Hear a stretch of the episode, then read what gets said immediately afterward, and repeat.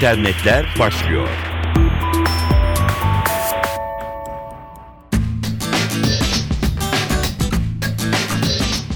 Merhaba sevgili dinleyenler. NTV Radyo'da internetlerle karşınızdayız. Ben Dilara Eldar. Bir Facebook partisi haberiyle başlıyoruz. Facebook'tan duyurulan bir parti etkinlik haberi bültenlere düşmüşse nedenini tahmin etmek artık zor değil.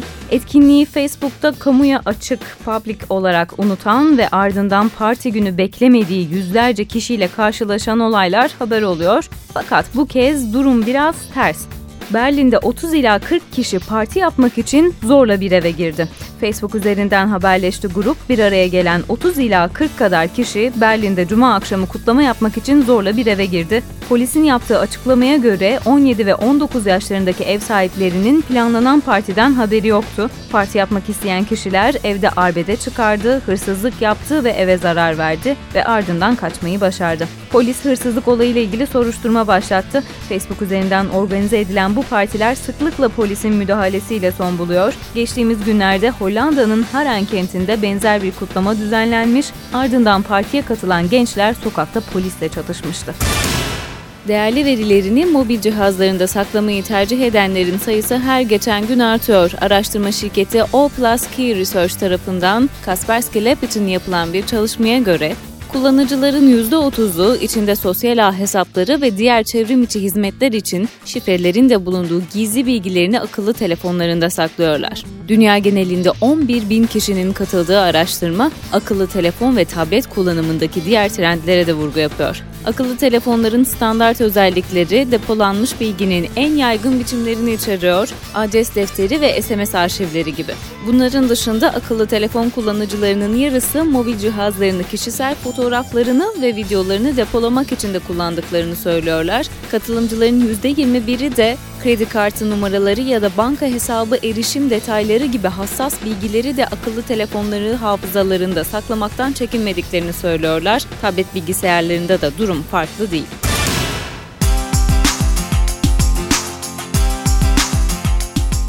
Uzun süren müzakere süreci tamamlandı. Dünyanın en büyük video paylaşım sitesi YouTube Türkiye ofisini açtı.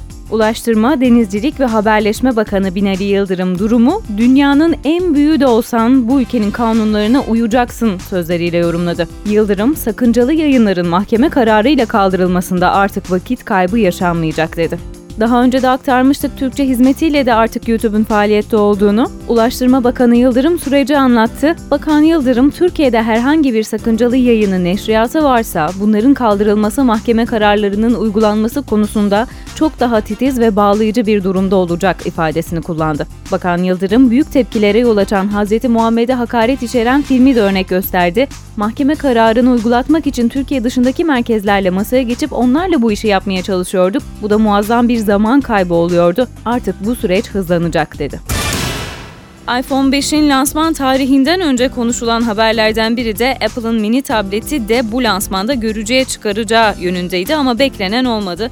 Yeni bir habere göre Amerikan bilişim şirketi Apple'ın mini tablet üretmeye başladığı iddia ediliyor. İddia Amerikan Wall Street Journal gazetesinden. Buna göre Apple, AUO ve LG Display gibi tedarikçilerden yeni parçalar satın almaya başladı. Temin edilen parçalardan biri ise bu zamana kadarkilerden ebat olarak epey farklı 7,8 inçlik ekranlar söz konusu. Bu da iPad mini'nin habercisi olarak yorumlanıyor.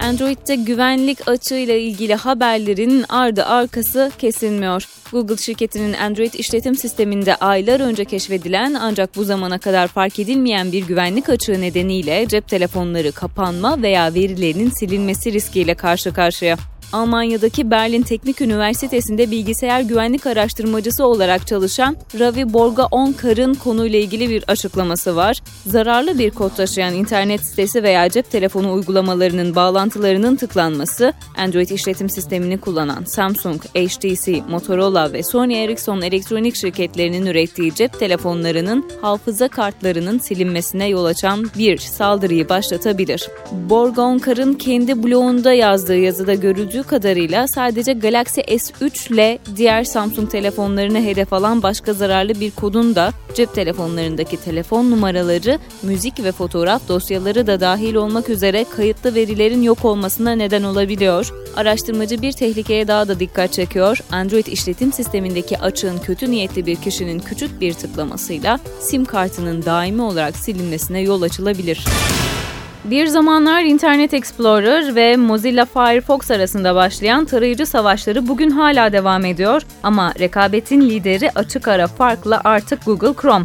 Google Chrome'un yeni rakibi ise Rusya'dan Yandex, Yandex Browser. Gözünü Google'ın tahtına dikti Yandex, Chrome'a dişli bir rakip olacak yeni internet tarayıcısını yayınladı. Basit ve hızlı olmak üzere tasarlanmış tarayıcı yorumlara göre bir Chrome ve Firefox melezi karışımı. Trafik bilgisi, hava durumu ve benzer kişisel eklentilerin görüntülendiği tablo paneli kullanıcılara birçok konuda kolaylık sunuyor. Ayrıca dahili Kaspersky virüsü koruma sistemiyle ki çoğunuzun bildiği gibi Kaspersky de Rus bir şirket, Yandex.Browser daha da güvenli. Şikayet var. Firmaların şikayet yöntemi performansını gösteren firma profili sayfalarını tüketicilerinin kullanımına açtı. Firma profilleri sayesinde tüketiciler satın alma kararlarını artık daha kolay verebilecekler. Şikayetvar.com'da bir firmanın şikayet profilini görüntülemek için ilgili firmanın logosuna tıklamanız yeterli. Firma şikayet profili ilk adımda o markanın toplam şikayet sayısı ve cevaplama oranı bilgisini veriyor. İkinci adımda ise firmanın kendi sektöründe şikayet endeks dönemsel raporlarından elde ettiği şikayet yönetimi başarı puanı ve sıralamada kaçıncı olduğu bilgisine ulaşılabiliyor.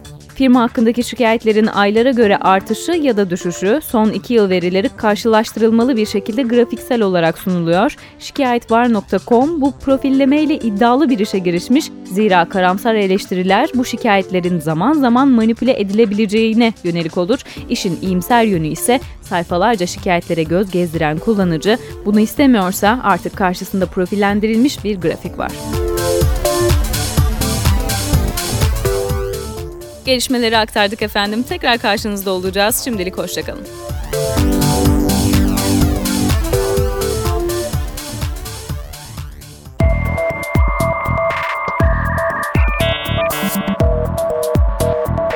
İnternetler sona erdi.